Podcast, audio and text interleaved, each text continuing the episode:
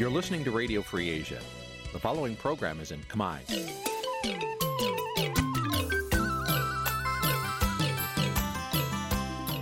នេះជាកម្មវិធីផ្សាយ Vuthu Azizi Serai នេះជាកម្មវិធីផ្សាយរបស់ Vuthu Azizi Serai ជាភាសាខ្មែរ Vuthu Azizi Serai សូមស្វាគមន៍លោកអ្នកនាងទាំងអស់ពីរដ្ឋធានី Washington នៃសហរដ្ឋអាមេរិក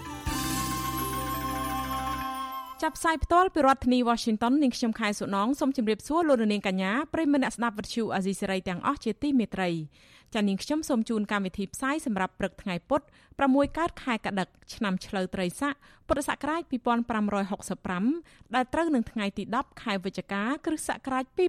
2021ចា៎ជាដំបូងនេះសូមអញ្ជើញលោកនាងស្ដាប់ព័ត៌មានប្រចាំថ្ងៃដែលមានមេតិការដូចតទៅ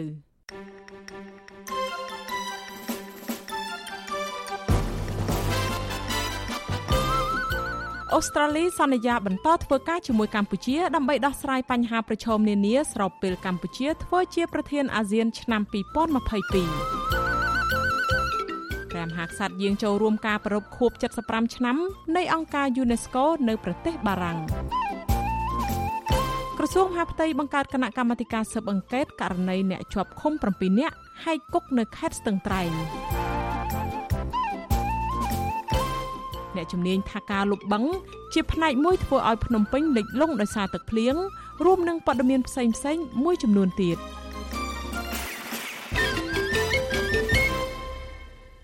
ចាជាបន្តទៅនេះនាងខ្ញុំខែសុណងសូមជូនព័ត៌មានទាំងនេះពិស្ដា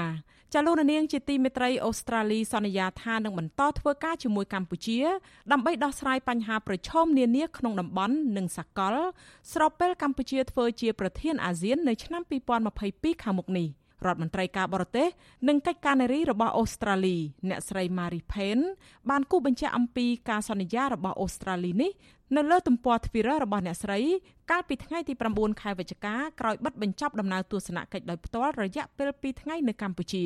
អ្នកស្រីបន្តថាអ្នកស្រីបានជួបពិភាក្សាជាមួយលោកនាយករដ្ឋមន្ត្រីហ៊ុនសែនពាក់ព័ន្ធទៅនឹងបញ្ហាមួយចំនួនក្នុងនោះរួមមាន បញ្ហាភាពជាដៃគូរវាងតំបន់មេគង្គនិងអូស្ត្រាលី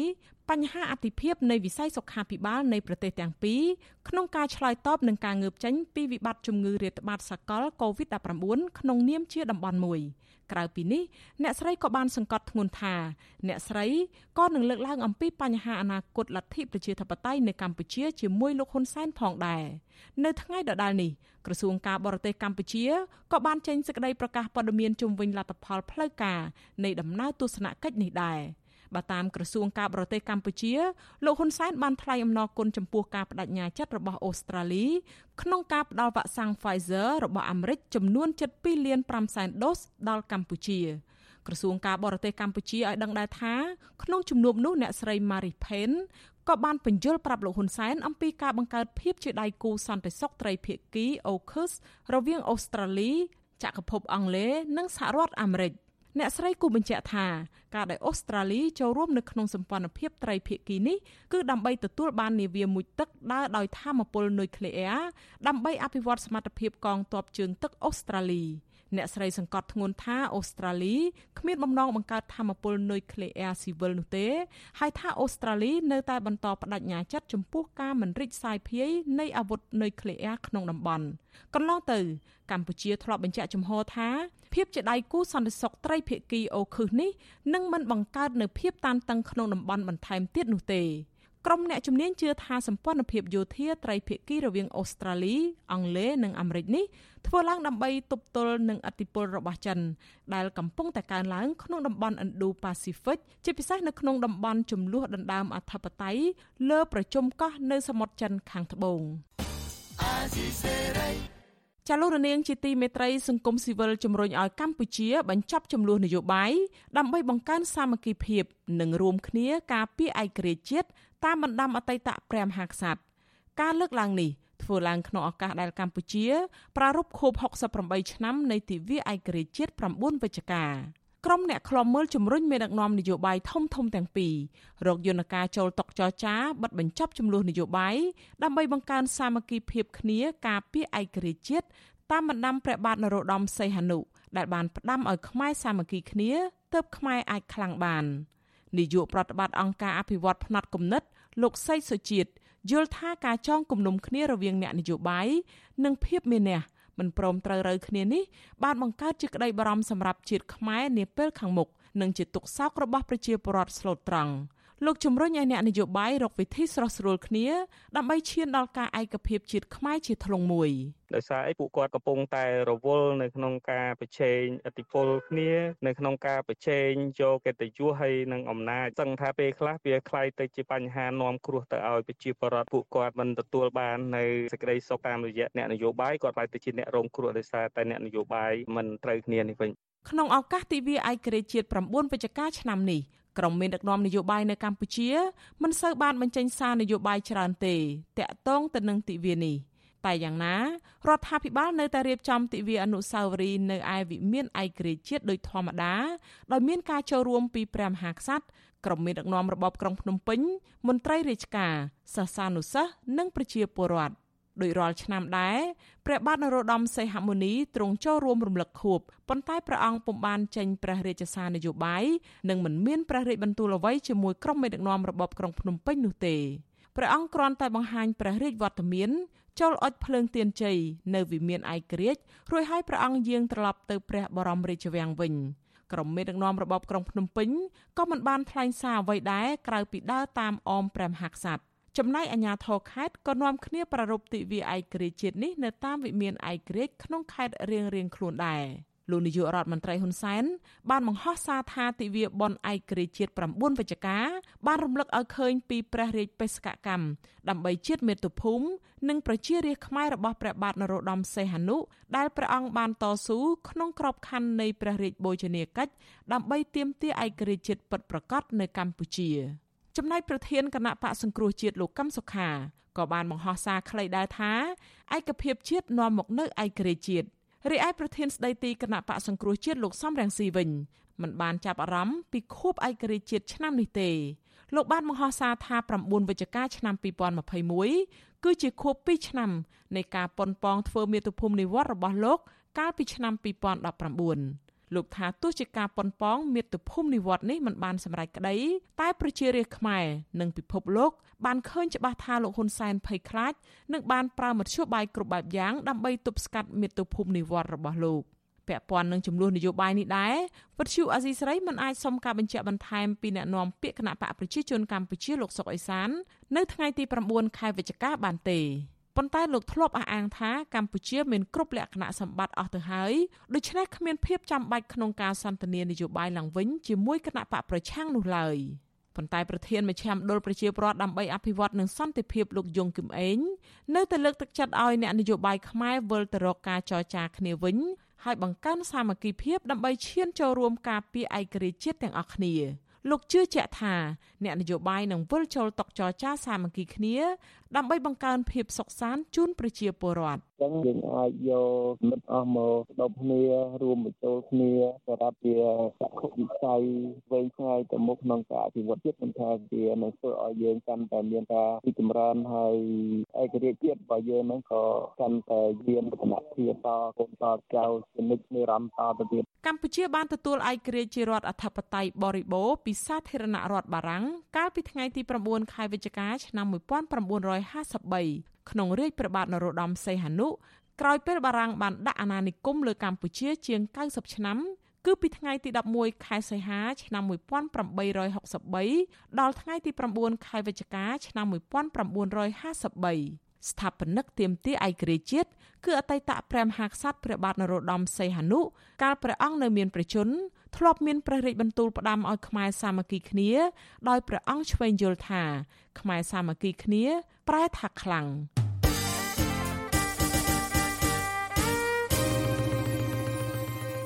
ចលនានាងជាទីមេត្រីព្រះមហាក្សត្រព្រះបរមនាថនរោត្តមសីហមុនីក្រុងយាងទៅប្រទេសបារាំងចាប់ពីថ្ងៃទី10ដល់ថ្ងៃទី15ខែវិច្ឆិកាដើម្បីចូលរួមក្នុងសម័យប្រជុំមហាសន្និបាតលើកទី41ក្នុងឱកាសប្រារព្ធខួបលើកទី75នៃអង្គការ UNESCO ព្រះអង្គនឹងថ្លែងព្រះរាជសន្ទរកថានៅក្នុងពិធីបើកសម័យប្រជុំជាផ្លូវការនៃមហាសន្និបាតនៅថ្ងៃទី12ខែវិច្ឆិកាដោយផ្ដោតលើសមិទ្ធផលសំខាន់ៗពាក់ព័ន្ធទៅនឹងការចុះបញ្ជីបេតិកភ័ណ្ឌពិភពលោក និងបេតិកភណ្ឌអរូបីមនុស្សជាតិរបស់អង្គការ UNESCO នៅក្នុងប្រទេសកម្ពុជា នៅចំពោះវត្តមានរបស់ប្រមុខរដ្ឋនិងរដ្ឋាភិបាលជាច្រើនក្នុងពិភពលោកដែលមកចូលរួមការយាងទៅចូលរួមកិច្ចប្រជុំកំពូលនេះគឺតបទៅនឹងការអញ្ជើញរបស់អគ្គនាយិកានៃអង្គការអប់រំវិទ្យាសាស្ត្រនិងវប្បធម៌របស់អង្គការសហប្រជាជាតិ UNESCO អ្នកស្រី Audrey Azoulay ព្រះមហាក្សត្រ ចាត់តាំងប្រមុខរដ្ឋស្ដីទីលោកសៃឈុំជាតំណាងព្រះអង្គក្នុងពិធីពលុតទានជ័យនៃទិវាបុណ្យឯករាជ្យជាតិនៅថ្ងៃទី11ខែវិច្ឆិកាខាងមុខនៅឯវិមានឯករាជ្យពេលអវត្តមានរបស់ព្រះអង្គអង្គការ UNESCO បង្កើតឡើងកាលពីឆ្នាំ1945បានចូលរួមចំណែកយ៉ាងសំខាន់ដល់ការលើកតម្កើងវិស័យអប់រំវិទ្យាសាស្ត្រវប្បធម៌និងការប្រស្រ័យទាក់ទងគ្នានៅក្នុងពិភពលោកតាមរយៈកម្មវិធីកិច្ចសហប្រតិបត្តិការពហុភាគី ក្នុងកិច្ចប្រជុំកំពូលនេះមានថ្នាក់ដឹកនាំជាច្រើនក្នុងពិភពលោកបានមកចូលរួមដែលបានចាប់ផ្ដើមពីថ្ងៃទី9ដល់ថ្ងៃទី24ខែវិច្ឆិកាខាងមុខ។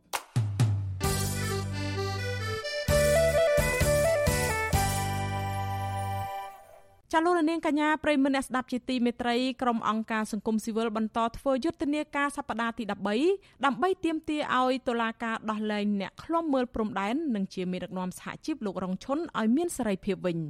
តំណាងរដ្ឋាភិបាលរក្សាជំហរថាយុទ្ធនាការនេះมันមានអធិបុលលើតុលាការខណៈលោករងឈុនរំពឹងថាស្លាវធរនឹងដោះលែងលោកនៅថ្ងៃទី12ខែវិច្ឆិកាចាប់ពីរដ្ឋធានី Washington លោកមានរិទ្ធរាយការណ៍អំពីរឿងនេះ នៅសប្តាហ៍ទី13នេះអង្គការសង្គមស៊ីវិលបានបង្ហោះសារថាប្រធានសហភាពសហជីពកម្ពុជា លោករងឈុនតែងតែហ៊ានបញ្ចេញមតិដើម្បីសិទ្ធិសេរីភាពសិទ្ធិគ្រូបង្រៀនសិទ្ធិកម្មករកម្មការិនីនិងជាអ្នកលើកកម្ពស់សិទ្ធិមនុស្សនៅកម្ពុជាសង្គមស៊ីវិលសង្កេតឃើញថាអាញាធរដ្ឋមិនបានគាំពៀដល់ការបញ្ចេញមតិរបស់លោករងឈុននោះទេផ្ទុយទៅវិញលោកបាយជារងនឹងការចាប់ដាក់ឃុំនៅក្នុងពន្ធនាគារដោយអយុត្តិធម៌ទៅវិញ។ សង្គមស៊ីវិលបានបន្ថែមសារនៅលើផ្ទាំងរូបភាពរបស់លោករងឈុនថាអ្នកការពារសិទ្ធិមនុស្សលោករងឈុនឈរនៅជួរមុខដើម្បីទាមទារឲ្យមានការដំឡើងប្រាក់ខែកែលម្អលក្ខខណ្ឌការងារនិងអត្ថប្រយោជន៍របស់កម្មករពួកគេលើកជាសំណួរថាតើនេះឬគឺជាអំពើញុះញង់នោះសង្គមស៊ីវិលក៏អំពាវនាវឲ្យពលរដ្ឋចូលរួមចែករំលែកសារនៃយុទ្ធនាការនេះដើម្បីគ្រប់គ្រងនិងជាការលើកទឹកចិត្តចំពោះសកម្មភាពដើម្បីប្រយោជន៍សង្គម នាយករងអង្គការលីកាដូទទួលបន្ទុកផ្នែកឃ្លាំមើលសិទ្ធិមនុស្សលោកអំសំអាត លើកឡើងថានៅសប្តាហ៍នេះសង្គមស៊ីវិលទាមទារឲ្យតុលាការដោះលែងតែលោករងឈុនម្នាក់ទេព្រោះថាសកម្មជនសង្គម7នាក់ទៀតត្រូវបានតុលាការសម្រេចដោះលែងហើយក៏ប៉ុន្តែនៅសប្តាហ៍ខាងមុខក្រុមអង្គការសង្គមស៊ីវិលនឹងបន្ថែមយុទ្ធនាការនេះដើម្បីទាមទារឲ្យតុលាការទម្លាក់ចោលរាល់បទចោទប្រកាន់ទាំងអស់ទៅលើសកម្មជនដែលត្រូវបានដោះលែង។ អ្នកខ្លះត្រូវបានដោះលែងហើយគឺយើងមិនបានទៀមទាបន្តទៀតទេយើងទៀមទាបន្តអ្នកដែលអត់ទាន់ត្រូវបានដោះលែងហ្នឹងគឺឲ្យដោះលែងហើយជាបន្តទៅទៀតហើយជាយើងត្រូវដូរពីសំដោះលែងគឺរក្សាដដែលគឺសូមឲ្យទម្លាក់ការចោទប្រកាន់និងដោះលែងឲ្យមានសេរីភាពឡើងវិញណាក្រុមអង្គការសង្គមស៊ីវិលនឹងបន្តយុទ្ធនាការបង្ហោះសារតាម Facebook ទាមទារឲ្យដោះលែងប្រធានសហភាពសហជីពកម្ពុជា លោករងឈុននិងក្រុមសកម្មជនបរិស្ថានចំនួន6នាក់ រហូតដល់ទិវាសិទ្ធិមនុស្សអន្តរជាតិ10ធ្នូពួកគាត់ក៏កំពុងពិចារណាបន្ថែមក្នុងការទៀមទាឲ្យតុលាការដោះលែងសកម្មជនដីធ្លីឬអ្នកដែលត្រូវបានចាប់ខ្លួនដោយអយុត្តិធម៌ទាំងអស់ដែរបើទោះបីជាសង្គមស៊ីវិលអះអាងថាយុទ្ធនាការនេះទទួលបានការគាំទ្រច្រើនក៏ប៉ុន្តែតំណាងរដ្ឋាភិបាលនៅតែរក្សាជំហរថាយុទ្ធនាការនេះគ្មានឥទ្ធិពលដល់ប្រព័ន្ធតុលាការនោះទេ សមាជិកគណៈកម្មាធិការសិទ្ធិមនុស្សកម្ពុជាលោកកតាអូនឲ្យដឹងថាការដោះលែងសកម្មជនសង្គមទាំង7នាក់និងអ្នកនយោបាយនៃគណៈបកសង្គ្រោះជាតិនៅពេលថ្មីៗនេះគឺជាឆន្ទៈរបស់តុលាការសុតសាតនិងមិនជាប់ពាក់ព័ន្ធជាមួយនឹងយុទ្ធនាការរបស់ក្រុមអង្គការសង្គមស៊ីវិលនោះទេ បងប្អូនមួយចំនួនត្រូវបានតុលាការដោះលែងត្រូវបានតុលាការចេញសេចក្តីសម្រេចផ្សេងផ្សេងដូច្នេះគឺជាសមត្ថកិច្ចផ្ទៃក្នុងរបស់តុលាការមិនពាក់ព័ន្ធទៅនឹងសកម្មភាពនៃការដាក់សម្ពាធមកលើតុលាការនោះទេពាក់ព័ន្ធនឹងរឿងនេះលោករងឈុនសង្ឃឹមថាសាលាឧទ្ធរនឹងដោះលែងលោកឲ្យមានសេរីភាពឡើងវិញនៅក្នុងការប្រកាសសារិកានៅថ្ងៃទី12ខែវិច្ឆិកាខាងមុខនេះដើម្បីឲ្យលោក អាចបន្តសកម្មភាពឃ្លាំមើលសង្គមនិងការពារផលប្រយោជន៍ផ្នែកសិទ្ធិការងារបន្តទៀតនេះបើតាមការអះអាងរបស់ក្មួយប្រុសរបស់លោករងឈុនគឺលោករងវិជាលោករងវិជាឲ្យដឹងថាលោករងឈុនសប្បាយចិត្តនៅពេលដែលតឡាការដោះលែងយុវជនសង្គមឲ្យមានសេរីភាពឡើងវិញលោកក៏ផ្ដាំមកអគុណចំពោះពលរដ្ឋទាំងអស់ដែលគ្រប់គ្រងលោកហើយលោកបដិញ្ញាបន្តសកម្មភាពការងារសង្គមជាបន្តទៅទៀតក្រោយការដោះលែង ចំណែកឯស្ថានភាពនិងសុខភាពរបស់លោករងឈុននៅក្នុងពន្ធនាគារវិញលោករងវិជាថាមានភាពល្អប្រសើរច្រើន នៅមួយរយៈចុងក្រោយនេះបើតាមលោករងវិជារបួសវះកាត់ភ្នែកម្ខាងរបស់លោករងឈុនក៏វិវត្តមករកភាពល្អប្រសើរជាងមុនដែរក៏ប៉ុន្តែលោកនៅតែមានបញ្ហាជំងឺប្រចាំកាយមួយចំនួនទៀតដែលគួរតែទទួលបានការព្យាបាលត្រឹមត្រូវនៅក្នុងមន្ទីរពេទ្យក្រៅពន្ធនាគារ គាត់សង្ឃឹមថាតឡាការនឹងផ្ដល់យុត្តិធម៌ឲ្យគាត់មានសេរីភាពឡើងវិញដើម្បីឲ្យស្ថានភាពសិទ្ធិមនុស្សនៅកម្ពុជានឹងកុំឲ្យអាក្រក់ពេកមុនការបោះឆ្នោតឈានមកដល់ឆាប់ៗនេះលោកនាយរដ្ឋមន្ត្រីហ៊ុនសែនបានបញ្ជាឲ្យអាជ្ញាធររបស់លោកចាប់ខ្លួនលោករងឈុនបញ្ជូនទៅតុលាការកាលពីចុងខែកក្កដាឆ្នាំ2020កន្លងទៅដោយសារតែលោកបានបញ្ចេញមតិរិះគន់អំពីបញ្ហាព្រំដែនកម្ពុជាវៀតណាម ក្រោយការជាប់ឃុំបណ្ដោះអាសន្នអស់រយៈពេលជាង1ឆ្នាំ នៅថ្ងៃទី18ខែសីហាតុលាការក្រុងភ្នំពេញបានសម្រេចផ្តន្ទាទោសលោករងឈុនដាក់ពន្ធនាគាររយៈពេល2ឆ្នាំពីបទញុះញង់ឲ្យប្រព្រឹត្តអំពើបង្កឲ្យមានភាពវឹកវរធ្ងន់ធ្ងរដល់សន្តិសុខសង្គមនិងពិន័យជាប្រាក់2លានរៀលចូលរដ្ឋ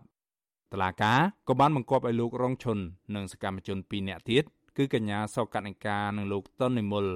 បងសំណងរួមគ្នាដល់ដើមបណ្ដឹងរដ្ឋបពវេនីគឺគណៈកម្មាធិការចម្រុះកិច្ចការព្រំដែនចំនួន400លានរៀលឬស្មើនឹងប្រមាណ1សែនដុល្លារអាមេរិកក៏ប៉ុន្តែសហគមន៍ជាតិនិងអន្តរជាតិបានស្កោតទោសសារក្រមនោះថាគឺជារឿងអយុត្តិធម៌និងជាការដាក់ទោសទណ្ឌលើសេរីភាពនៃការបញ្ចេញមតិរបស់ពលរដ្ឋខ្ញុំបាទមេរិត Visual C ស្រីរាយការណ៍ពីរដ្ឋធានី Washington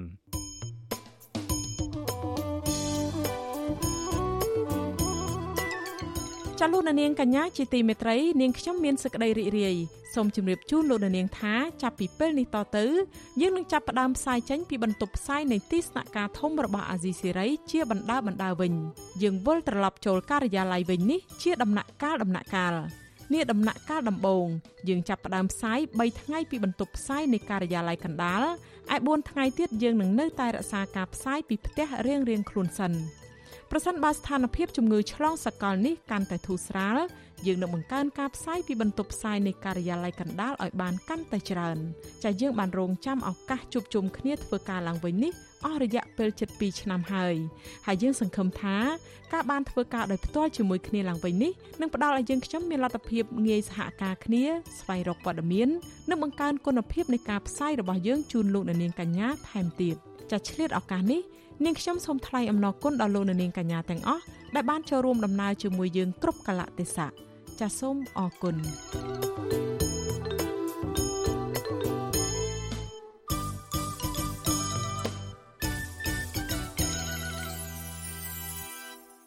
ចាលោកនាងជាទីមេត្រីលោកនាងកំពុងស្ដាប់ការផ្សាយរបស់វិទ្យុអាស៊ីសេរី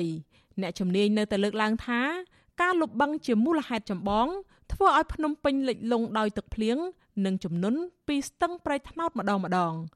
ប្រតិកម្មនេះធ្វើឡើងក្រោយពេលលោកនាយករដ្ឋមន្ត្រីហ៊ុនសែននៅថ្លែងដដែលថាការលុបបង្កមិនប៉ះពាល់ដល់រឿងទឹកលិចនៅភ្នំពេញនោះទេ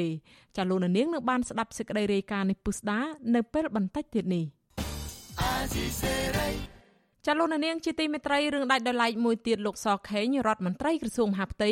សម្រាប់បង្កើតគណៈកម្មាធិការស៊ើបអង្កេតពីមូលហេតុដែលអ្នកជាប់ឃុំអាចហាយគុកនៅខេត្តស្ទឹងត្រែងដើម្បីរត់គេចខ្លួនបានសារព័ត៌មានភ្នំពេញប៉ុស្តិ៍ បានស្រង់សម្ដីអ្នកនាំពាក្យអគ្គនាយកដ្ឋានពន្ធនាគារលោកនុតសាវណ្ណាមកចុះផ្សាយកាលពីថ្ងៃទី9ខែវិច្ឆិកាថាគណៈកម្មាធិការនេះមានសមាជិកភាពមកពីនគរបាលជាតិនិងអគ្គនាយកដ្ឋានពន្ធនាគារលោកថាអគ្គនាយកដ្ឋានពន្ធនាគារក៏បង្កើតគណៈកម្មការជួយដល់ការស៊ើបអង្កេតនេះដែរលោកបន្តទៀតថាអាជ្ញាធរពាក់ព័ន្ធកំពុងសហការជាមួយរដ្ឋបាលខេត្តស្ទឹងត្រែងដើម្បីតាមដានអ្នករត់គេចខ្លួនទាំង7នាក់ ស្នងការដ្ឋាននគរបាលខេត្តស្ទឹងត្រែងបានប្រកាសថាមានអ្នកទោស7នាក់បានលួចរត់ចេញពីពន្ធនាគារនៅម៉ោង3ទៀបភ្លឺថ្ងៃទី8ខែវិច្ឆិកាក្នុងនោះមាន6នាក់ជាប់ពាក់ព័ន្ធទៅនឹងបទល្មើសជួញដូរគ្រឿងញៀននិងម្នាក់ទៀតជាប់ពាក់ព័ន្ធទៅនឹងបទល្មើសលួច មានស្ថានទម្ងន់ទោសដោយសារការប្រើប្រាស់ទរណកម្មនិងអំពើឃោរឃៅ ស្មាតកិច្ចពន្ធនាគារអះអាងថាអ្នកទាំង7នាក់បានវាយទម្លាយជញ្ជាំងគុកដោយប្រើប្រដាប់ខួងដែកត្រសេះកំណាត់ឈើនិងមានខ្នើយភួយដើម្បីទប់មិនឲ្យឮសំឡេងខ្លាំងរួចនាំគ្នារត់គេចខ្លួនតែម្ដងពន្ធនាគារខេត្តស្ទឹងត្រែងធ្លាប់មានករណីរត់គេចខ្លួនម្ដងកាលពីខែកុម្ភៈឆ្នាំ2018ដែលកាលនោះមានអ្នកទោសជាជនជាតិឡាវចំនួន5នាក់ពាក់ព័ន្ធទៅនឹងគ្រឿងញៀនបានហែកគុករត់គេចខ្លួនដែរ ទោះយ៉ាងណាសមត្ថកិច្ចបានដេញចាប់អ្នកទោសទាំង5នាក់នោះបានមកវិញ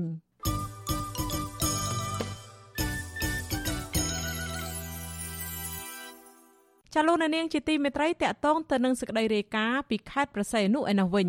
មន្ត្រីសហជីពកំពុងព្រួយបារម្ភដែលអាជ្ញាធរខេត្តប្រស័យអនុបង្ហាញជំហរកាន់ជើងក្រុមហ៊ុនបនលបែងអនឡាញចិនក្នុងដំណាក់កាលនៃការស៊ើបអង្កេត ក្នុងពេលជាមួយគ្នានេះបុគ្គលិកកាស៊ីណូកំពុងព្រួយបារម្ភអំពីនីតិវិធីដែលមានមន្ត្រីនគរបាលសួរបំភ័យដាក់បន្ទុកបុគ្គលិកតាមទូរស័ព្ទចាលោកមួងណារ៉េតរាយការណ៍ព័ត៌មាននេះមន្ត្រីសហជីពលើកឡើងថាជំហរលំអៀងរបស់អាជ្ញាធរខេត្តប្រស័យអនុទៅរកខាងក្រុមហ៊ុនបនលបែងអនឡាញរបស់ចិននេះគឺកើតឡើងដោយសារតែអាជ្ញាធរតែងតែការពារក្រុមហ៊ុនតាំងពីដើមរៀងមក ប្រធានសហព័ន្ធសហជីពវិស័យទេសចរនិងសេវាកម្មកម្ពុជាលោកមុំរទ្ធីថាក្រោយផ្ទុះរឿងអាស្រូវនៃការបើកបនលបែងស៊ីសងអនឡាញខុសច្បាប់នៅខេត្តប្រស័យអនុ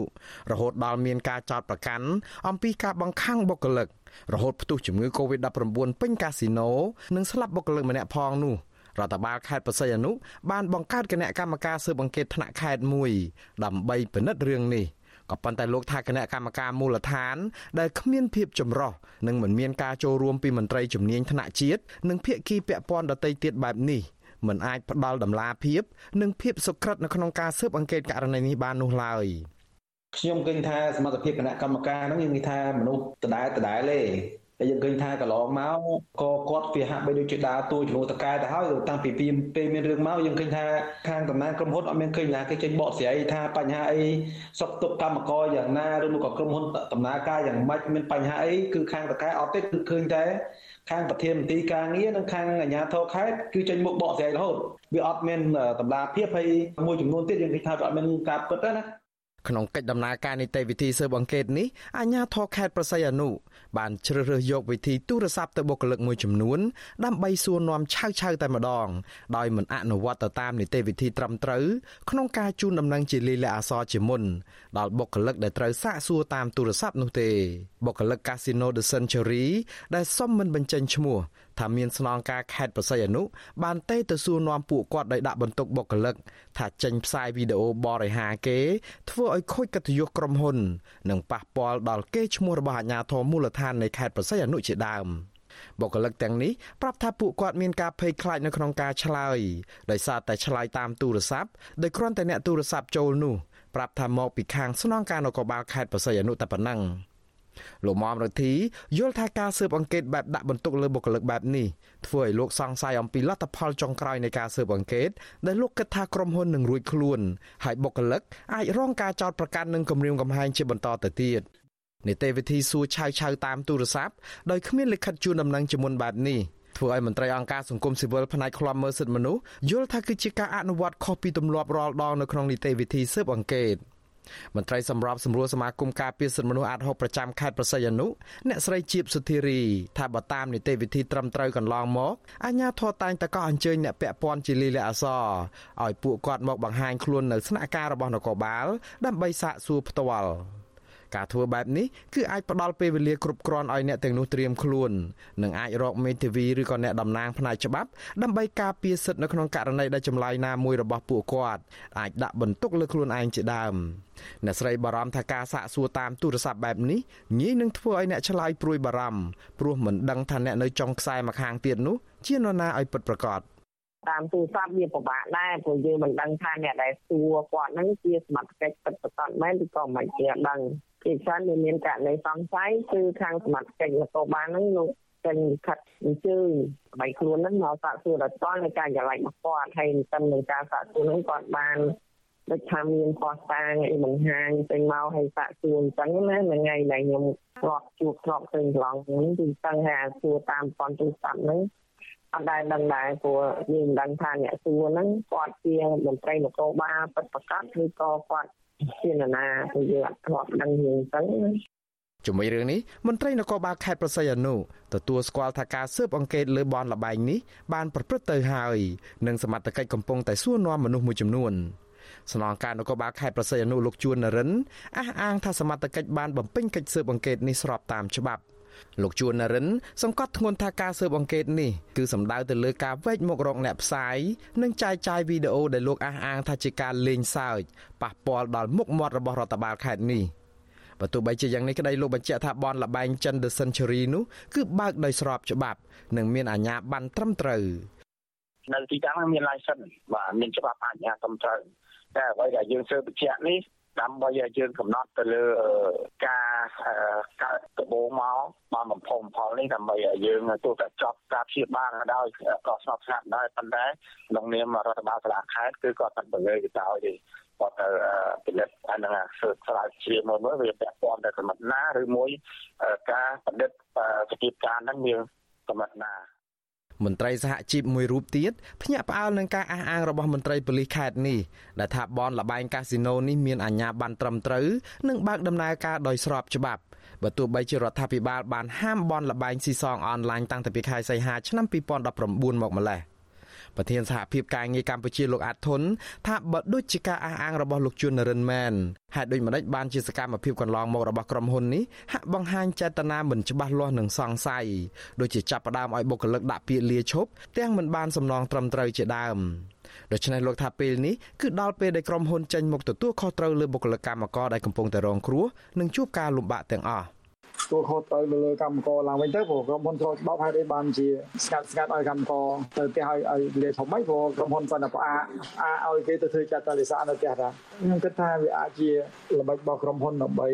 គេចំណេញពីកម្មករអញ្ចឹងអាហ្នឹងឯងដែលដែលអាជ្ញាធរគួរតែបញ្ចេញស្នាដៃឲ្យខានតបានណាជាងចាំមើលបើសិនជាអាជ្ញាធរ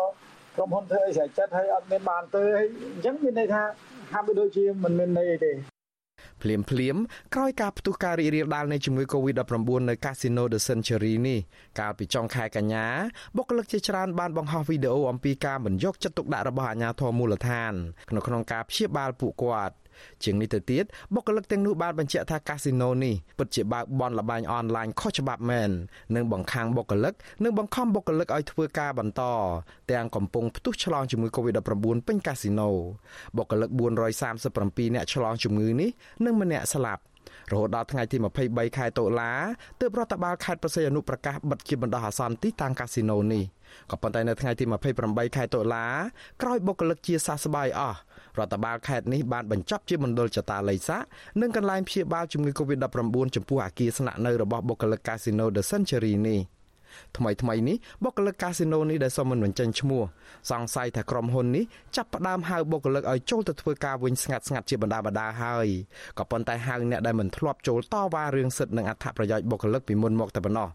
ជាងនេះទៅទៀតពួកគាត់សង្ស័យថានៅទីតាំងកាស៊ីណូនេះអាចបើកដំណើរការបនលបែងអនឡាញខុសច្បាប់នេះជាបន្តទៅទៀតដោយស្ងាត់ស្ងាត់ដែរ វិទ្យុអាស៊ីសេរីព្យាយាមសួរបញ្ជាក់រឿងនេះពីលោកជួននរិនដែរក៏ប៉ុន្តែលោកចុចផ្ដាច់ទូរស័ព្ទនិងអះអាងថាលោកកំពុងតែជាប់រវល់ប្រជុំ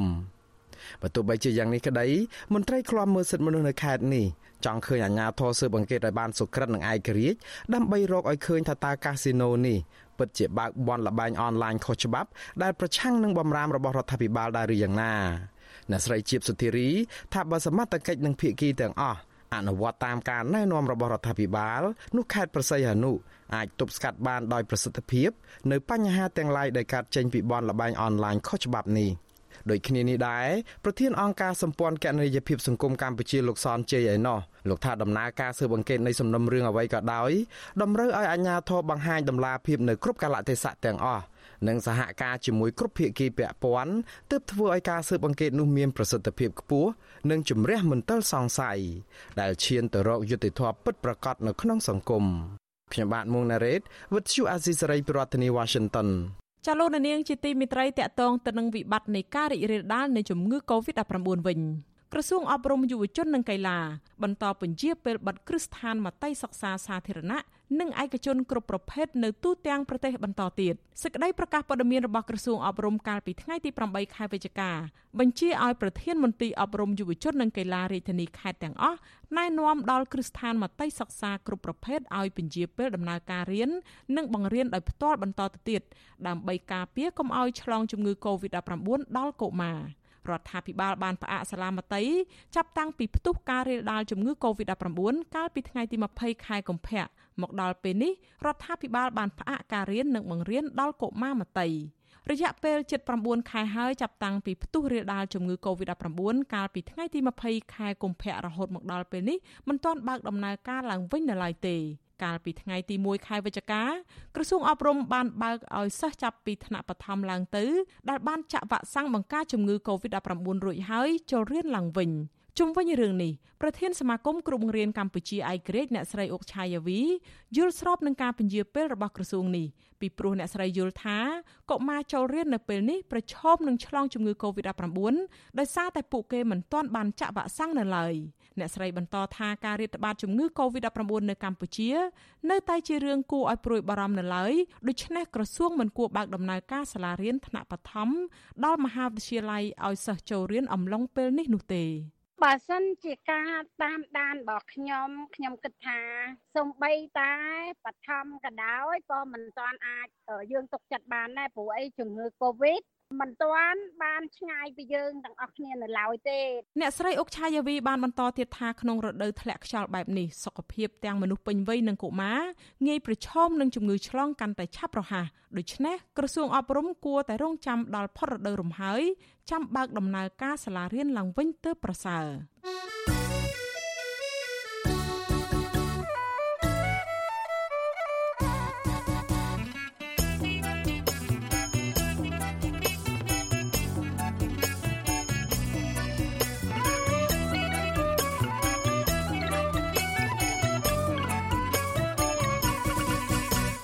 ចាលោកនាងជាទីមេត្រីសេចក្តីរាយការណ៍តាក់ទងទៅនឹងការបើកព្រំដែនឡើងវិញរដ្ឋាភិបាលថៃក្រុងបើកព្រំដែនឡើងវិញជាមួយប្រទេសកម្ពុជាឡាវនិងមីយ៉ាន់ម៉ាឬភូមាដើម្បីសម្រួលបញ្ហាខ្វះខាតកម្លាំងពលកម្មដែលប៉ះពាល់យ៉ាងខ្លាំងដល់សេដ្ឋកិច្ចថៃក្នុងនោះរួមមានការនាំចេញផលិតផលនានានិងវិស័យទេសចរណ៍ ក្រសួងការងារថៃនឹងចេញសេចក្តីសម្រេចនៅថ្ងៃពុធទី10ខែវិច្ឆិកានេះពីវិធានការមួយចំនួនពាក់ព័ន្ធពលករដែលបានចាក់វ៉ាក់សាំងបង្ការជំងឺ Covid-19 ការធ្វើចតាឡេសានិងការធ្វើតេស្តរកមេរោគ COVID-19 បច្ចុប្បន្នថៃត្រូវការពលករបរទេសចំនួន42ម៉ឺននាក់ក្នុងវិស័យសំណង់និងផ្នែកឧស្សាហកម្មផលិតអាហារសមុទ្រ ពលករបរទេសជាច្រើនបានចាក់ចេញពីប្រទេសថៃដោយមិនបានវិលត្រឡប់ទៅវិញក្រោយពីមានការឆ្លងរាលដាលខ្លាំងនៃជំងឺ Covid-19 កាលពីដើមឆ្នាំ2021ចំណែកពលករដែលបន្តស្ថិតនៅក្នុងប្រទេសថៃវិញត្រូវបានដាក់បង្ខាំងទុកឲ្យធ្វើចតាឡេសាក់ក្រោមគោលការណ៍របស់រោងចក្រនិងកន្លែងសំណង់នានាដើម្បីទប់ស្កាត់ការឆ្លងរាលដាលជំងឺ Covid-19 ប្រទេសថៃ មានពលករធ្វើការប្រមាណជាង3លាន4សែននាក់នៅតាមរោងចក្រជាង63000កន្លែងរបាយការណ៍របស់អង្គការសង្ត្រាល់បង្ហាញថាមុនពេលប្រទេសថៃជួបវិបត្តិជំងឺ Covid-19 មានពលករខ្មែរធ្វើការប្រមាណ7លាននាក់ ទាំងពលករស្របច្បាប់និងមិនស្របច្បាប់ក៏ប៉ុន្តែក្រោយការរាលដាលនៃជំងឺ Covid-19 មានពលករខ្មែររាប់ម៉ឺននាក់ត្រឡប់មកកម្ពុជាវិញប្រទេសថៃបច្ចុប្បន្នមានអ្នកឆ្លងជំងឺ Covid-19 ជិត2លាននាក់ក្នុងនោះមានអ្នកស្លាប់ជិត20000នាក់ ក្នុងឆ្នាំ2020ប្រទេសនេះនាំទំនិញចេញមានទំហំទឹកប្រាក់ជិត230ពាន់លានដុល្លារដែលធ្លាក់ចុះជិត7%បើធៀបកាលពីឆ្នាំ2019ការនាំទំនិញចេញមានចំនួន45%នៃផលិតផលក្នុងស្រុកសរុបចំណែកវិស័យទេសចរវិញក៏ធ្លាក់ចុះជាង6%ផងដែរ ចលនានាងជាទីមេត្រីវិទ្យុអាស៊ីសេរីផ្សាយតាមរយៈរលកធារកាសខ្លីឬ short wave តាមកម្រិតនិងកម្ពស់ដូចតទៅនេះពេលព្រឹកចាប់ពីម៉ោង5កន្លះដល់ម៉ោង6កន្លះតាមរយៈរលកធារកាសខ្លី9390 kHz ស្មើនឹងកម្ពស់ 32m និង11850 kHz ស្មើនឹងកម្ពស់ 25m ចា៎នៅពេលយប់ពីម៉ោង7កន្លះដល់ម៉ោង8កន្លះតាមរយៈរលកធាតុអាកាសខ្លី 9390 kHz ស្មើនឹងកម្ពស់ 32m និង15155 kHz ស្មើនឹងកម្ពស់ 20m ចាសសូមអរគុណចាលោករនាងកញ្ញាប្រិមនៈស្ដាប់ជាទីមេត្រីងាកមករឿងបញ្ហាដីធ្លីឯនេះវិញប្រជាពលរដ្ឋដែលមានទំនាស់ដីធ្លីមួយចំនួនស្នើដល់រដ្ឋាភិបាលជួយពន្លឿនរកដំណោះស្រាយបញ្ហារបស់ពួកគាត់និងចេញបានកម្មសិទ្ធិជូនពួកគាត់ឲ្យបានឆាប់រហ័សព្រោះបានអូសបន្លាយជាច្រើនឆ្នាំមកហើយ ពួកគាត់បញ្ជាក់ថាក្រុមអង្គការនិងអ្នកមានអំណាចបង្ខិតបង្ខំប្រជាពលរដ្ឋឲ្យទទួលយកដំណោះស្រាយមិនសមរម្យការលើកឡើងនេះធ្វើឡើងបន្ទាប់ពីលោកនាយករដ្ឋមន្ត្រីហ៊ុនសែនជំរុញឲ្យមន្ត្រីរបស់លោកខិតខំចេញបានកម្មសិទ្ធិដីធ្លីដោះស្រាយចំនួនដីធ្លីក្រៅប្រព័ន្ធតុលាការនិងផ្ដាល់ដីសម្បត្តិសង្គមគិច្ចជូនប្រជាពលរដ្ឋដែលខ្វះដីធ្លីចាប់ពីរដ្ឋធានី Washington លោកមួងណារ៉េតរាយការណ៍អំពីរឿងនេះ ប្រជាពលរដ្ឋដែលរងគ្រោះដោយសារតែដីធ្លីឲ្យដឹងថាពួកគាត់តែងតែរងនៅអំពើអយុត្តិធម៌ក្រោមរូបភាពគំរាមកំហែងបំផិតបំភ័យនិងគៀបសង្កត់ពីសំណាក់អាជ្ញាធរឬក៏ក្រុមឈ្មួញដែលផ្ទុយពីច្បាប់និងការណែនាំរបស់លោកនាយរដ្ឋមន្ត្រីហ៊ុនសែន តំណាងប្រជាពលរដ្ឋជិត200គ្រួសារនៅឃុំជីខលលើស្រុកស្រែអំបិលខេត្តកោះកុងលោកស្រីអឹបតឹងប្រាប់វិទ្យុអាស៊ីសេរីនៅថ្ងៃទី9ខែវិច្ឆិកាថាបើទោះបីជាប្រមុខរដ្ឋាភិបាលខិតខំជំរុញឲ្យអាជ្ញាធរដោះស្រាយបញ្ហាដីធ្លីជូនប្រជាពលរដ្ឋយ៉ាងណាក្តីក៏រឿងនេះនៅតែគ្មានដំណោះស្រាយដដែលពីព្រោះអាជ្ញាធរពាក់ព័ន្ធមិនយកចិត្តទុកដាក់ដោះស្រាយជូនពួកគាត់នោះទេលោកស្រីបន្តថាជាក់ស្ដែងចំនួនដីធ្លីតំបន់លោកស្រីជាមួយនឹងក្រុមហ៊ុនហេងហ៊ុយអភិវឌ្ឍ បានអូសបន្លាយអស់រយៈពេលជាង10ឆ្នាំមកនេះគឺគ្មានដំណោះស្រាយត្រឹមត្រូវណាមួយពីក្រសួងដែនដី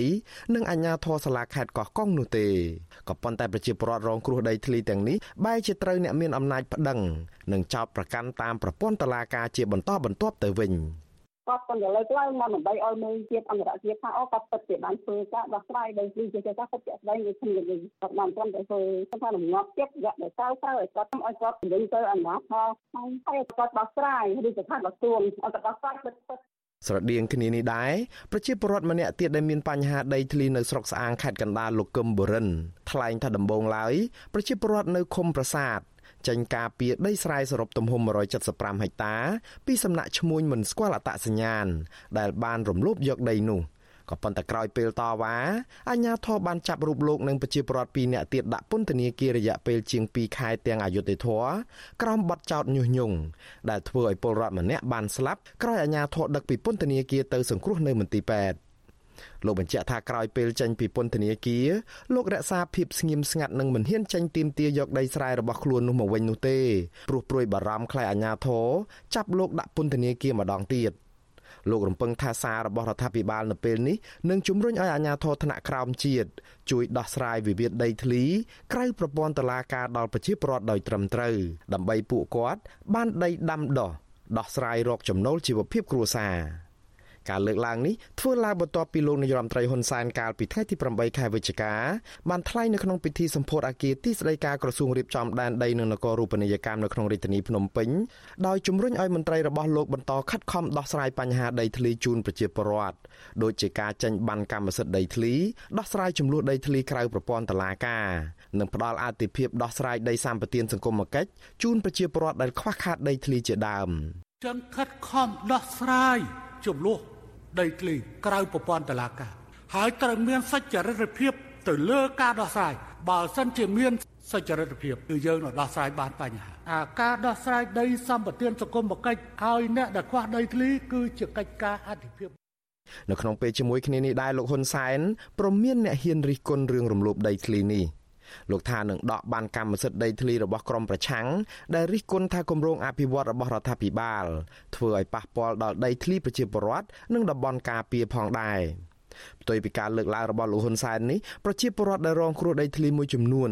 នៅតែលើកឡើងអំពីទុកកង្វល់ថាកន្លងមកអាជ្ញាធរមិនយកចិត្តទុកដាក់ និងគ្មានភាពច្បាស់លាស់នៅក្នុងការដោះស្រាយវិវាទដីធ្លីជូនពួកគាត់នោះទេ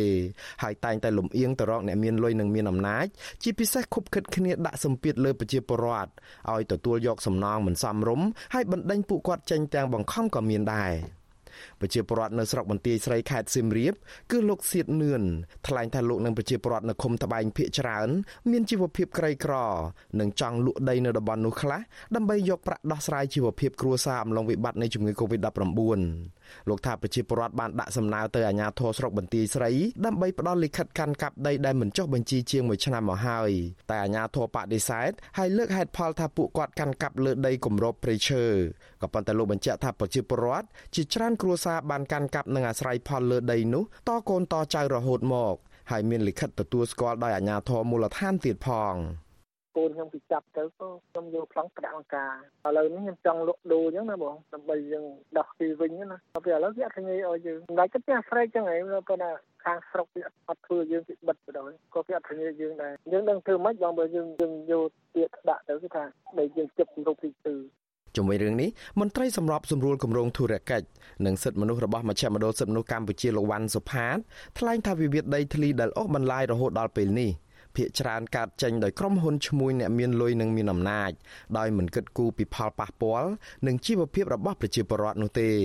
លោកថារដ្ឋាភិបាលតែងតែលើកឡើងអំពីវិធីសាស្ត្រដោះស្រាយបញ្ហាដីធ្លី និងប្រគល់កម្មសិទ្ធិដល់ប្រជាពលរដ្ឋបែបនេះ ទៅកាន់ស្ថាប័នពាក់ព័ន្ធ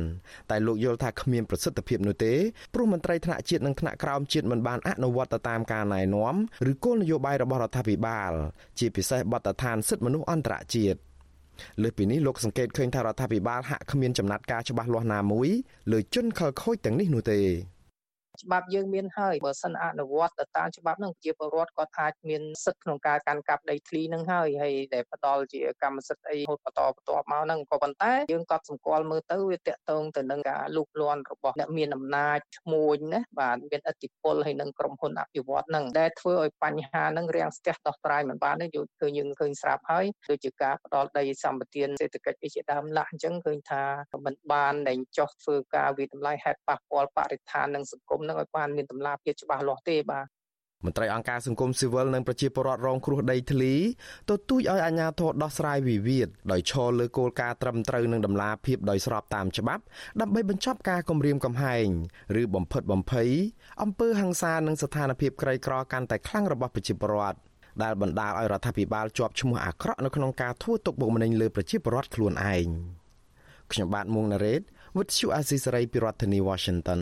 ចាលោករនាងកញ្ញាប្រិមិត្តជាទីមេត្រីចាតកតងទៅនឹងបញ្ហាព្រៃឈើវិញម្ដងប្រជាសហគមន៍ការពារព្រៃប្រះរការិះគន់មន្ត្រីឧស្សាហនរៈរបស់ក្រសួងបរិស្ថានថានៅតែបន្តឃ្លាំមើលនិងតាមដានពួកគាត់យ៉ាងតឹងរឹងមិនឲ្យចូលល្បាតព្រៃប៉ុន្តែបែរជាធូររលុងចំពោះអ្នកកាប់ឈើនិងដឹកជញ្ជូនឈើខុសច្បាប់ទៅវិញ។ ពួកគាត់អះអាងថាក្នុងពេលបច្ចុប្បន្ននេះស្ទើរតែរៀងរាល់ថ្ងៃមានគោយន្តដឹកជញ្ជូនឈើចេញពីព្រៃអភិរក្សមួយនេះមិនក្រោម30គ្រឿងទេដោយគ្មានការរារាំងពីមន្ត្រីបរិស្ថានដែលឈរជើងយាមព្រៃនៅទីនោះឡើយចាអ្នកស្រីម៉ៅសុធានីរាយការណ៍ព័ត៌មាននេះ ពជាសហគមន៍ការពីប្រៃប្រះរកានៅឃុំមលូប្រៃមួយស្រុកឆែបខេត្តព្រះវិហារបន្តទទូចឲ្យប្រមុខរដ្ឋាភិបាលពិនិត្យមើលពីប្រសិទ្ធភាពការងារឆ្មាំអភិរក្សរបស់ក្រសួងបរិស្ថានឡើងវិញ ពួកគាត់ថាមន្ត្រីនគរបាលយុតិធធទាំងនោះគ្មានឆន្ទៈការពីប្រៃស្របតាមច្បាប់នោះទេដោយបានបណ្ដាច់បណ្ដោយឲ្យមានបាត់ល្មើសព្រៃឈើកាត់ឡើងជាដដែលដដែលជាច្រើនឆ្នាំមកហើយក្នុងដែនសមត្ថកិច្ចរបស់ខ្លួន។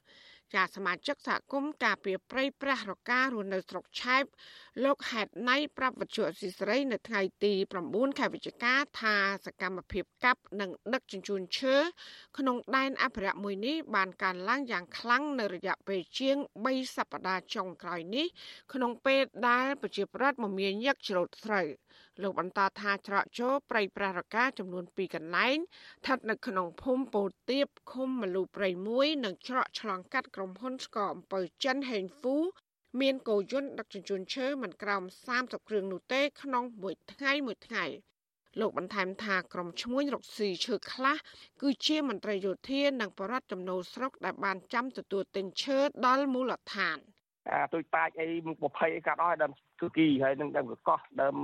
ចក្រមនិងដើមពពេលស្អីហ្នឹងគឺកំពុងតែកាត់អាយកមកឲ្យលក់ឲ្យដៃតាបគេដាក់តាបជួយឆ្កែឆ្នៃទៅជាទ្វាជាក្រែគ្រឿងហារឹមអញ្ចឹងកូនកលឹងអីចឹងមានដើមជ្រាវធំធំមានដើមពដៀកដើមតគីធំធំណាកន្លែងហ្នឹងវាក្លឹបទៅបបោះហើយឥឡូវនេះចូលកំពុងតែចូលទៅកាត់លុបវងកាត់អាដើមឈើធំធំហ្នឹង លោកហេតណៃបន្ថែមទៀតថាក្រុមអ្នកដឹកឈើនិងអាចឈើត្រូវបង្លុយឲ្យមន្ត្រីបរិស្ថាននៅតំបន់នោះទៅអាចប្រព្រឹត្តបទល្មើសព្រៃឈើបានលោកថាថ្មីថ្មីនេះមន្ត្រីបរិស្ថានមួយក្រុមបានស្ទាក់ចាប់គោយន្តដឹកឈើពីគ្រឿងផ្ទុកឈើជាច្រើនម៉ែត្រគីបប៉ុន្តែពុំបានអនុវត្តច្បាប់នោះទេគឺតម្រូវឲ្យជនល្មើសបងលុយរួចដោះលែងវិញ លោកបន្ថែមថាដើមកគីនិងដើមឈើទៀតធំធំ ដែលសហគមន៍តែងតែប្រពៃពិធីបុណ្យបំពោះរាល់ឆ្នាំ នៅចំណុចអូតាមាក់អូថ្មចាល់និងតំបន់ថ្មជញ្ជាំងកំពុងទទួលរងការកាប់ផ្ដួលយ៉ាងពេញទំហឹង។ ចង់ទទូចឲ្យខាងរដ្ឋាភិបាលនេះគាត់បើកទលាយក្នុងការស៊ើបអង្កេតបញ្ហាដែលដូចជាមន្ត្រីបរិស្ថានមួយចំនួនគាត់ចូលទៅចាប់តែគាត់នៃយុទ្ធជាលុយនៅក្នុងពេលទៅវិញយើងពិនិត្យមើលទៅគាត់ធ្វើអញ្ចឹងធ្វើអត់ល្អព្រោះអីគេបងទៅលុយអយគឺស្ព្រេឈើនៅតែកាត់ធ្វើតដែលបន្តតដែលទៀតវាអំពើពុកលួយគិតឃើញតែលុយហើយអត់ឃើញគិតឃើញអានឹងស្ព្រេឈើនឹងកំពុងរីករាលអីអត់មានទេស្ព្រេព្រះការគឺថាកំពុងតែធ្ងន់ធោក្នុងពេលនេះ អាស៊ីស្រីនៅមិនទាន់អាចតកតងសុំការបំភ្លឺរឿងនេះពីនាយកដែនចម្រុកសត្វព្រៃប្ររការលោកយ៉ាន់ប៊ុនសឿននិងអ្នកនាំពាក្យក្រសួងបរិស្ថានលោកណេតភក្ត្រាបានដល់ឡើយទេ នៅថ្ងៃទី9ខែវិច្ឆិកាដោយទូរស័ព្ទហៅចូលច្រើនដងតែគ្មានអ្នកលើកចំណែកប្រធានមន្ត្រីបរិស្ថានខេត្តប្រវត្តិហាលោកសុងច័ន្ទសុជាតិវិញ លោកប្រាប់ថាលោកនឹងមិនផ្ដល់បទសម្ភាសតាមទូរស័ព្ទនោះទេ ពជាសហគមន៍បន្ថែមថាមន្ត្រីយោធាខ្លះមកពីកងពលតុយលេខ9ក្នុងស្រុកចំខ្សានដែលពួកគេមិនស្គាល់ឈ្មោះគឺជាឈ្មោះជួញអូឈើខុសច្បាប់ ចេញពីព្រៃអភិរក្សមួយនេះតែម្ដងសហគមន៍អំពាវនាវឲ្យរដ្ឋាភិបាលស៊ើបអង្កេតអាជីវកម្មឈើខុសច្បាប់ដែលប្រព្រឹត្តដោយមន្ត្រីយោធា និងមន្ត្រីបរិស្ថាន ដែលបានខុបខិតគ្នាទទួលផលប្រយោជន៍ពីក្រុមជនល្មើសដើម្បីជាធ្នូមិនអនុវត្តច្បាប់ ចាជុំវិញរឿងនេះមន្ត្រីសម្របសម្រួលសមាគមអាត6ខេត្តព្រះវិហារលោកឡាវច័ន្ទយល់ថាក្តីកង្វល់របស់ប្រជាសហគមន៍គឺរដ្ឋាភិបាលមិនគួរមើលរំលងនោះទេ ហើយគួរតែយកជាមូលដ្ឋាន ធ្វើការដោះស្រាយជាបន្ទាន់លោកបន្តថាប៉ះសិនបើមន្ត្រីយោធានិងមន្ត្រីបរិស្ថាន ដែលមានភារកិច្ចការពារជាតិ បែរជាប្រព្រឹត្តបទល្មើសព្រៃឈើនិងទទួលសំណូកបជនល្មើសគឺជាទង្វើបំពានច្បាប់ហើយនឹងធ្វើឲ្យព្រៃឈើកាន់តែឆាប់ហិនហោច មានទួនាទីជាយោធាហងហើយគាត់ទៅប្រព្រឹត្តបទល្មើសបែបហ្នឹងហងអាហ្នឹងរត់តែមានទោសធ្ងន់ធ្ងរថែមទៀតហើយម្យ៉ាងវិញទៅបើគាត់ប្រើទួនាទីអាងអំណាចរបស់គាត់ហើយអាជ្ញាធរនៅបដិបដោយឲ្យមានបទល្មើសហ្នឹងណាអាជ្ញាធរក៏ចូលពីបទល្មើសការធ្វើផេះបដិបដោយឲ្យមានបទល្មើសកើតឡើងដែរអាហ្នឹងយោងយោងតាមច្បាប់ព្រៃឈើអាជ្ញាធរទាំងអស់ហ្នឹងក៏មានទោសដែរ ចាមន្ត្រីសង្គមស៊ីវិលរូបនេះស្នើឲ្យរដ្ឋាភិបាលបើកចិត្តទូលាយ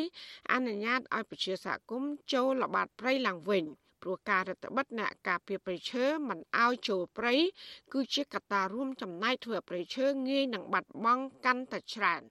មកដល់ពេលនេះជិត2ឆ្នាំមកហើយដែលក្រសួងបរិស្ថានបានហាមអ្នកការពារព្រៃឈើនិងប្រជាសហគមន៍មិនឲ្យចូលល្បាតព្រៃ ប៉ុន្តែបែរជាបណ្តែតបណ្ដោយឲ្យក្រុមអ្នកកាប់ឈើចូលព្រៃអភិរក្សបានដោយងាយចាព្រៃប្រះរកាមានទំហំជាង96000ហិកតានៅចន្លោះព្រំប្រទល់ស្រុកចំនួន3គឺស្រុកត្បែងមានជ័យស្រុកចំខ្សាននិងស្រុកឆែបនៃខេត្តព្រះវិហារចានាងខ្ញុំម៉ៃសុធានីវិទ្យុអាស៊ីសេរីប្រធានាធិបតី Washington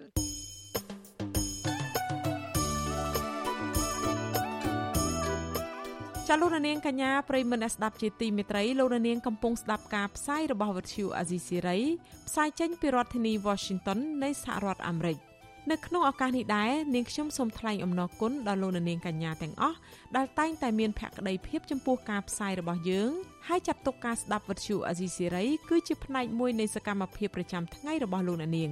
ការគ្រប់គ្រងរបស់លោកនាងនេះហើយដែលធ្វើឲ្យយើងខ្ញុំមានទឹកចិត្តកាន់តែខ្លាំងថែមទៀត ក្នុងការស្វែងរកនិងផ្តល់ព័ត៌មានជូនលោកអ្នកនាង មានអ្នកស្ដាប់អ្នកទស្សនាកាន់តែច្រើនកាន់តែធ្វើឲ្យយើងខ្ញុំមានភាពស្វាហាប់មោះមុតជាបន្តទៀតចាយើងខ្ញុំសូមអរគុណទុកជាមុនហើយសូមអញ្ជើញលោកនាងកញ្ញាចូលរួមជំរុញឲ្យសកម្មភាពផ្តល់ព័ត៌មានរបស់យើងកាន់តែជោគជ័យបន្ថែមទៀតចាសសូមលោកនាងជួយយើងខ្ញុំដោយគ្រាន់តែចុចចែករំលែកឬ share ការផ្សាយរបស់យើងនៅលើបណ្ដាញសង្គម Facebook និង YouTube ទៅកាន់មិត្តភ័ក្តិរបស់លោកអ្នក ដើម្បីឲ្យការផ្សាយរបស់យើង បានទៅដល់មនុស្សកាន់តែច្រើន ចាសសូមអរគុណ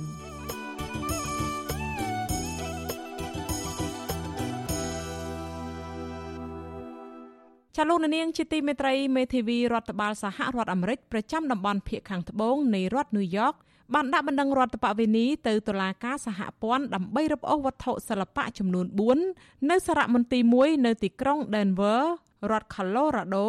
ដែលវត្ថុសិល្បៈទាំងនោះត្រូវគេលួចនាំពីកម្ពុជាសេចក្តីថ្លែងការណ៍របស់ក្រសួងយុតិធធម៌សហរដ្ឋអាមេរិកបញ្ជាក់ថាមេធាវីលោក Damia Williams បានដាក់បណ្ដឹងកាលពីថ្ងៃទី8ខែវិច្ឆិកាក្នុងបំណងបញ្ជូនវត្ថុសិល្បៈទាំង4ត្រឡប់ទៅឲ្យកម្ពុជាវិញនៅពេលសារមន្ទីរដែលរក្សាទុកវត្ថុសិល្បៈទាំង4នោះស្ម័គ្រចិត្តបោះបង់ចោលសិទ្ធិជាកម្មសិទ្ធិរបស់ខ្លួន សេចក្តីថ្លែងការណ៍ដដែលឲ្យដឹងទៀតថាក្រុមអ្នកស៊ើបអង្កេតដែលធ្វើការឲ្យរដ្ឋាភិបាលអាមេរិកនិងក្រសួងវប្បធម៌កម្ពុជារកបានព័ត៌មានលម្អិតពាក់ព័ន្ធនឹងវត្ថុសិល្បៈដែលត្រូវលួចយកពីកម្ពុជាទាំងនោះក្នុងនោះគេបានដឹងពីទីកន្លែងពេលវេលានិងក្រុមមនុស្សជាក់លាក់ផងតាមរយៈការសម្ភាសផ្ទាល់ជាមួយពលរដ្ឋនៅមូលដ្ឋានវត្ថុសិល្បៈឬវត្ថុបុរាណដែលរដ្ឋាភិបាលអាមេរិកមានបំណងបញ្ជូនត្រឡប់ទៅឲ្យកម្ពុជាវិញនេះរួមមានជួងសម័យបុរេប្រវត្តិសាស្ត្រ ចម្លាក់នាងប្រាជ្ញាបារមីចម្លាក់ព្រះសូរិយា និងផ្ដែដែលមានឆ្លាក់រូបព្រះព្រំនិងព្រះនរាយណ៍តាក់ទងទៅនឹងរឿងនេះសារមន្ទីរសិល្បៈ Denver ធ្លាប់អះអាងកាលពីខែតុលាថានឹងបញ្ជូនវត្ថុបុរាណចំនួន4ទៅឲ្យកម្ពុជាវិញ បន្ទាប់ពីក្រុមអ្នកសារព័ត៌មានស៊ើបអង្កេតនៃអង្គការសារព័ត៌មាន Pandora Papers បានផ្សាយព័ត៌មានស៊ើបអង្កេតពីវត្ថុបុរាណដែលជាប់តាក់ទងនឹងចំនួនខុសច្បាប់ ចលនានាងជាទីមេត្រីវិទ្យុអាស៊ីសេរីផ្សាយតាមរយៈរលកធារកាសខ្លីឬ short wave តាមកម្រិតនិងកម្ពស់ដូចតទៅនេះពេលព្រឹកចាប់ពីម៉ោង5កន្លះដល់ម៉ោង6កន្លះតាមរយៈរលកធារកាសខ្លី9390 kHz ស្មើនឹងកម្ពស់ 32m និង11850 kHz ស្មើនឹងកម្ពស់ 25m ចានៅពេលយប់ពីម៉ោង7កន្លះដល់ម៉ោង8កន្លះតាមរយៈរលកធារកាសខ្លី 9390 kHz ស្មើនឹងកម្ពស់ 32m និង15155 kHz ស្មើនឹងកម្ពស់ 20m ចាសសូមអរគុណចាលោកនាងជាទីមេត្រីលោកនាងកំពុងស្ដាប់ការផ្សាយរបស់វិទ្យុអាស៊ីសេរីអ្នកជំនាញនៅតែលើកឡើងថាការលុបបង្កជាមូលហេតុចម្បងធ្វើឲ្យភ្នំពេញលិចលង់ដោយទឹកភ្លៀងនិងជំនន់ពីស្ទឹងប្រៃថ្នោតម្ដងម្ដង ប្រតិកម្មនេះ ធ្វើឡើងក្រោយពេលលោកនាយករដ្ឋមន្ត្រីហ៊ុនសែននៅថ្លែងដដែលថាការលុបបង្កមិនប៉ះពាល់ដល់រឿងទឹកលិចនៅភ្នំពេញនោះទេចាអ្នកស្រីសុជីវីមានសេចក្តីរាយការណ៍ពុស្ដាអំពីរឿងនេះក្រុមអ្នកជំនាញនៅតែជំរុញរដ្ឋាភិបាលឬសាលារាជធានីភ្នំពេញគិតគូរពីប្រព័ន្ធរំដោះទឹកខណៈដែលមានភ្លៀងធំម្ដងម្ដងរាជធានីភ្នំពេញតែងរងការលិចលង់ខ្លាំងអ្នកជំនាញផ្នែកកសិកម្មនិងធនធានទឹកបណ្ឌិតយ៉ងសង្គមាលើកឡើងថាភូមិសាស្ត្ររាជធានីភ្នំពេញ ត្រូវការចាំបាច់ឲ្យមានប្រព័ន្ធស្តុកទឹក និងរំដោះទឹកត្រឹមត្រូវទើបអាចបញ្ជៀសការលិចលង់លោកថានៅរយៈពេលចុងក្រោយនេះបែរជាមានការអភិវឌ្ឍដោយជ្រើសរើសលុបបង្កដែលបញ្ហានេះធ្វើឲ្យទឹកនៅចាល់មិនអាចស្រកចុះ ហើយកុំចេះនិយាយថាទឹកលិចទឹកលិចដោយសារវាភ្លៀងមកច្រើនភ្លៀងមកពីលើមកខ្លាំងវាត្រូវវាអត់ខុសទេប៉ុន្តែហើយបានវាភ្លៀងមកខ្លាំងហើយលិចហើយយើងធ្វើទៅបង្ការពីវាកុំឲ្យលិចហ្នឹងណាយើងត្រូវដំណោះស្រាយទៅទៅទឹកវិញទឹកវិញដល់នេះស្រដៀងគ្នានេះដែរអ្នកជំនាញអភិបាលកិច្ចទឹកលោកហែមឧត្តមលើកឡើងដែរថារាជធានីភ្នំពេញត្រូវការបឹងដែលជាកន្លែងស្តុកទឹកពេលមានចំនួនម្ដងម្ដងប៉ុន្តែលោកថា នៅរយៈពេលចុងក្រោយ ការលុបបឹងនៅតែបន្តកើតឡើង ជាពិសេសការលុបផ្នែកខ្លះនៃបឹងតាមុកដែលជាបឹងធំចុងក្រោយរបស់ភ្នំពេញលោករិះគន់ថា ការអន្តរាគមរបស់អាជ្ញាធរពេលមានទឹកលិចក្រុងម្ដងម្ដងមិនមែនជាដំណោះស្រាយល្អនោះទេ អ្នកជំនាញផ្នែកទឹករូបនេះចង់ឃើញការអភិវឌ្ឍរាជធានីភ្នំពេញធ្វើឡើងតាមផែនការមេត្រឹមត្រូវនិងគិតគូរពីផលប៉ះពាល់ដល់បរិស្ថាន បាទប៉ុន្តែយើងលំបាកណាស់យើងអត់អាចទេតែដោះស្រាយបញ្ហានៅពេលដែលប្រតិកម្មទៅលើបញ្ហានៅពេលដែលវាកើតទេយើងត្រូវគិតទុកមកឥឡូវឆ្នាំហ្នឹងយើងគិតទុកសម្រាប់ឆ្នាំក្រោយឬក៏10ឆ្នាំមុនយើងបានគិតទុកអីខ្លះយើងបានគួរតែបានប្រមាលមើលណាតាមរយៈការជជែកការពិគ្រោះយោបល់ជាមួយក្រសួងវិស័យពាក់ព័ន្ធឧទាហរណ៍ដូចជាក្រសួងធនធានទឹកក្រសួងបរិស្ថានក្រសួងរៀបចំដែនដីហ្នឹងប្រតិកម្មរបស់អ្នកធ្វើការងារផ្នែកធនធានទឹកនិងកសិកម្មនៅពេលនេះកើតឡើងក្រោយពេលដែលលោកនាយរដ្ឋមន្ត្រីហ៊ុនសែន កាលពីថ្ងៃទី8ខែវិច្ឆិកានិយាយថា លោកស្អប់អ្នកណាដែលជាលោករឿងលុបបឹងលោកពន្យល់ថាចំនួនលេខក្រុងបែបនេះព្រោះទឹកធ្លាក់ពីខាងលើមកខ្លាំងទើបប្រព័ន្ធលូបឹងព្រែកមិនអាចទប់ឈ្នះលោកចាត់ប្រកាន់អ្នករិះគន់រឿងទឹកចំនួននេះថាកើតចេញពីការច្រណែនពេលឃើញទីក្រុងភ្នំពេញមានការអភិវឌ្ឍន៍ ហើយខ្ញុំស្អប់បំផុតស្អប់អាពេលទឹកចំនួនបរងបរងគឺជេនោះជេជេតែឯងលុបបឹងកលនេះពាក្យចំនួនអានឹងវាមកពីអីវាមកពីអាពីលើនោះវាខ្លាំងអាក្រោមដោះវាមនុស្សហើយតិចតិចដៀបដាមឲ្យទៅអភិបាលរាជធានីប្រពៃថាគ្រាន់តែទឹកភ្លៀងបន្តិចលិចក្រុងដែរទោះបីយ៉ាងណាបណ្ឌិតយ៉ងសាំងកូម៉ាលើកឡើងទៀតថាចំនួនទឹកភ្លៀងធ្វើឲ្យលិចលងរាជធានីភ្នំពេញជាប់តាក់ទងនឹងករណីសំខាន់សំខាន់ពីរគឺទឹកភ្លៀង និងចំនួនមកពីស្ទឹងព្រែកថ្នោតបណ្ឌិតយ៉ងសាំងកុមារយល់ថាដើម្បីដោះស្រាយបញ្ហានេះត្រូវបើកផ្លូវទឹកខាងក្រោមនៃភូមិសាស្ត្ររាជធានីភ្នំពេញដូចជាធ្វើអាងស្តុកទឹក ស្ដារស្ទឹងប្រឡាយនិងដាំដើមឈើឡើងវិញលោកបន្តទៀតថាចំពោះតំបន់ជាប់ស្ទឹងព្រៃថ្នោតដូចជានៅភូមិសាស្ត្រខេត្តកំពង់ស្ពឺខេត្តកណ្ដាលនិងនៅខណ្ឌដង្កោត្រូវបន្តសាងសង់ទំនប់ថែមទៀតដើម្បីទប់ទឹកនិងបញ្ជៀសខ្សែទឹកហូរ ពងស្ពឺម្ដុំចង្រោមតងអីហ្នឹងគេអាចធ្វើជាទំនប់ណាធ្វើជាទំនប់ដើម្បីពងពវៀនទឹកទំនប់បន្លាយពវៀនទឹកហើយនឹងអាងស្តុកទឹកនៅខាងលើហ្នឹងហ្នឹងហើយហើយបើយើងធ្វើនៅខាងលើហ្នឹងវាជួយកាត់បន្ថយមើលហូរមកមកមកខ្លាំងមកលឿនអញ្ចឹងណាឧបសំនឹងការដាំដើមឈើឲ្យឡើងវិញមកខាងភ្នំពេញយើងបើកវាត្រូវមានបើកវាមិនអាហ្នឹងយើងដើម្បីវាហូរចូលទន្លេមុសា ទឹកវាមកពីលើខ្លាំងយើងវាត្រូវទឹកវាត្រូវមានការបើកវាធំឲ្យទលាយវាច្រើនទៅហើយអាបឹងនៅសេសសល់វាឈប់លុកទៅបានប៉ុណ្ណឹងបាទស្រដៀងគ្នានេះដែរអ្នកវិភាគនយោបាយលោកកឹមសុខសរសេរលើ Facebook ថាបញ្ហាទឹកលិចក្រុងធ្វើឲ្យរដ្ឋចំណាយលុយរាប់រយលានដុល្លារនៅក្នុងមួយឆ្នាំមួយឆ្នាំដើម្បីសាងសង់ហេដ្ឋារចនាសម្ព័ន្ធឡើងវិញនិងធ្វើឲ្យរដ្ឋត្រូវបង្កើនកម្ចីពីបរទេសថែមទៀត យកមកជួសជុលហេដ្ឋារចនាសម្ព័ន្ធដែលធ្វើឲ្យបំណុលជាតិកើនឡើង ចំណែកពលរដ្ឋកាន់តែកើនបំណុលវាន់កនិងលេចលង់ផ្ទះសម្បែងខាត់បងទ្របនិងពេលវេលា លោកបន្តថាអ្នកដែលចំណេញពីការលុបបឹងគឺក្រុមគ្រួសារលោកហ៊ុនសែនពួកអុកញ៉ានិងមន្ត្រីដែលស្និទ្ធនឹងលោកហ៊ុនសែនរយៈពេលប្រមាណឆ្នាំចុងក្រោយនេះរដ្ឋាភិបាលសម្រុកបើកឲ្យក្រុមហ៊ុនឯកជនវិនិយោគលុបបឹងធម្មជាតិជាច្រើនកន្លែង រួមមានបឹងទំពុននិងបឹងជើងឯកជាដើម ដែលបឹងទាំងនេះធ្លាប់ជាកន្លែងស្តុកទឹកនិងរំដោះទឹកដ៏សំខាន់នាពេលកន្លងមកករណីនេះពេលមានភ្លៀងម្ដងម្ដងឬចំនួនស្ទឹងព្រែកថ្នោតបង្កឲ្យមានការជន់លិចនិងប៉ះពាល់ហេដ្ឋារចនាសម្ព័ន្ធទ្រព្យសម្បត្តិផ្ទះសម្បែងផលដំណាំ និងសត្វចិញ្ចឹមរបស់ពលរដ្ឋថ្មីថ្មីនេះចំនួនស្ទឹងព្រែកថ្នោតបណ្ដាលឲ្យពលរដ្ឋជាង3000គ្រួសាររងផលប៉ះពាល់ ក្នុងនោះមានពលរដ្ឋរស់នៅក្នុងខេត្តកណ្ដាលជាង1400គ្រួសារនិងរាជធានីភ្នំពេញជាង1600គ្រួសារនេះខ្ញុំសុជីវី With you Azizi Saray ពីរដ្ឋធានី Washington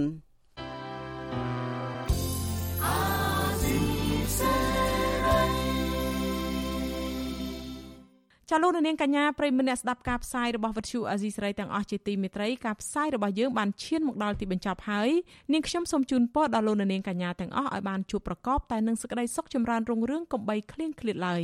សម្រាប់ពេលនេះនាងខ្ញុំខែសុណងព្រមទាំងក្រុមការងារទាំងអស់នៃវិទ្យុអាស៊ីសេរីសូមអរគុណនិងសូមជម្រាបលា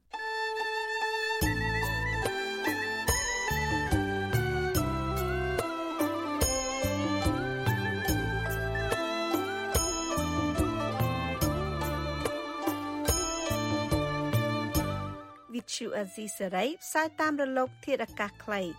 ឬ short wave តាមកម្រិតនិងកម្ពស់ដូចតទៅនេះពេលព្រឹកចាប់ពីម៉ោង5កន្លះដល់ម៉ោង6កន្លះតាមរយៈរលកធាតុអាកាសខ្លី9390 kHz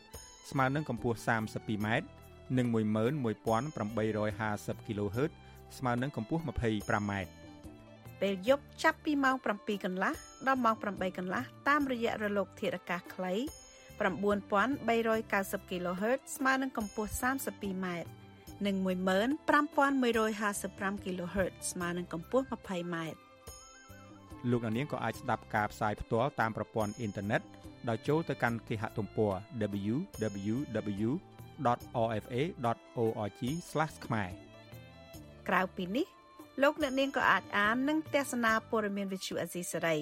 លើទូរស័ព្ទដៃរបស់លោកអ្នកផ្ទាល់ សូមលោកអ្នកនាងចូលទៅកាន់បណ្ដាញសង្គម Facebook ដែលមានអាសយដ្ឋាន www.facebook.com/rfa.cambodia និង YouTube www.youtube.com/rfa ខ្មែរ video សូមលោកអ្នកនាងចុច like និងចុច subscribe ដើម្បីទទួលបានព័ត៌មានថ្មីៗទាន់ហេតុការណ៍និងទស្សនាវីដេអូផ្សេងៗទៀតបានគ្រប់ពេលវេលា។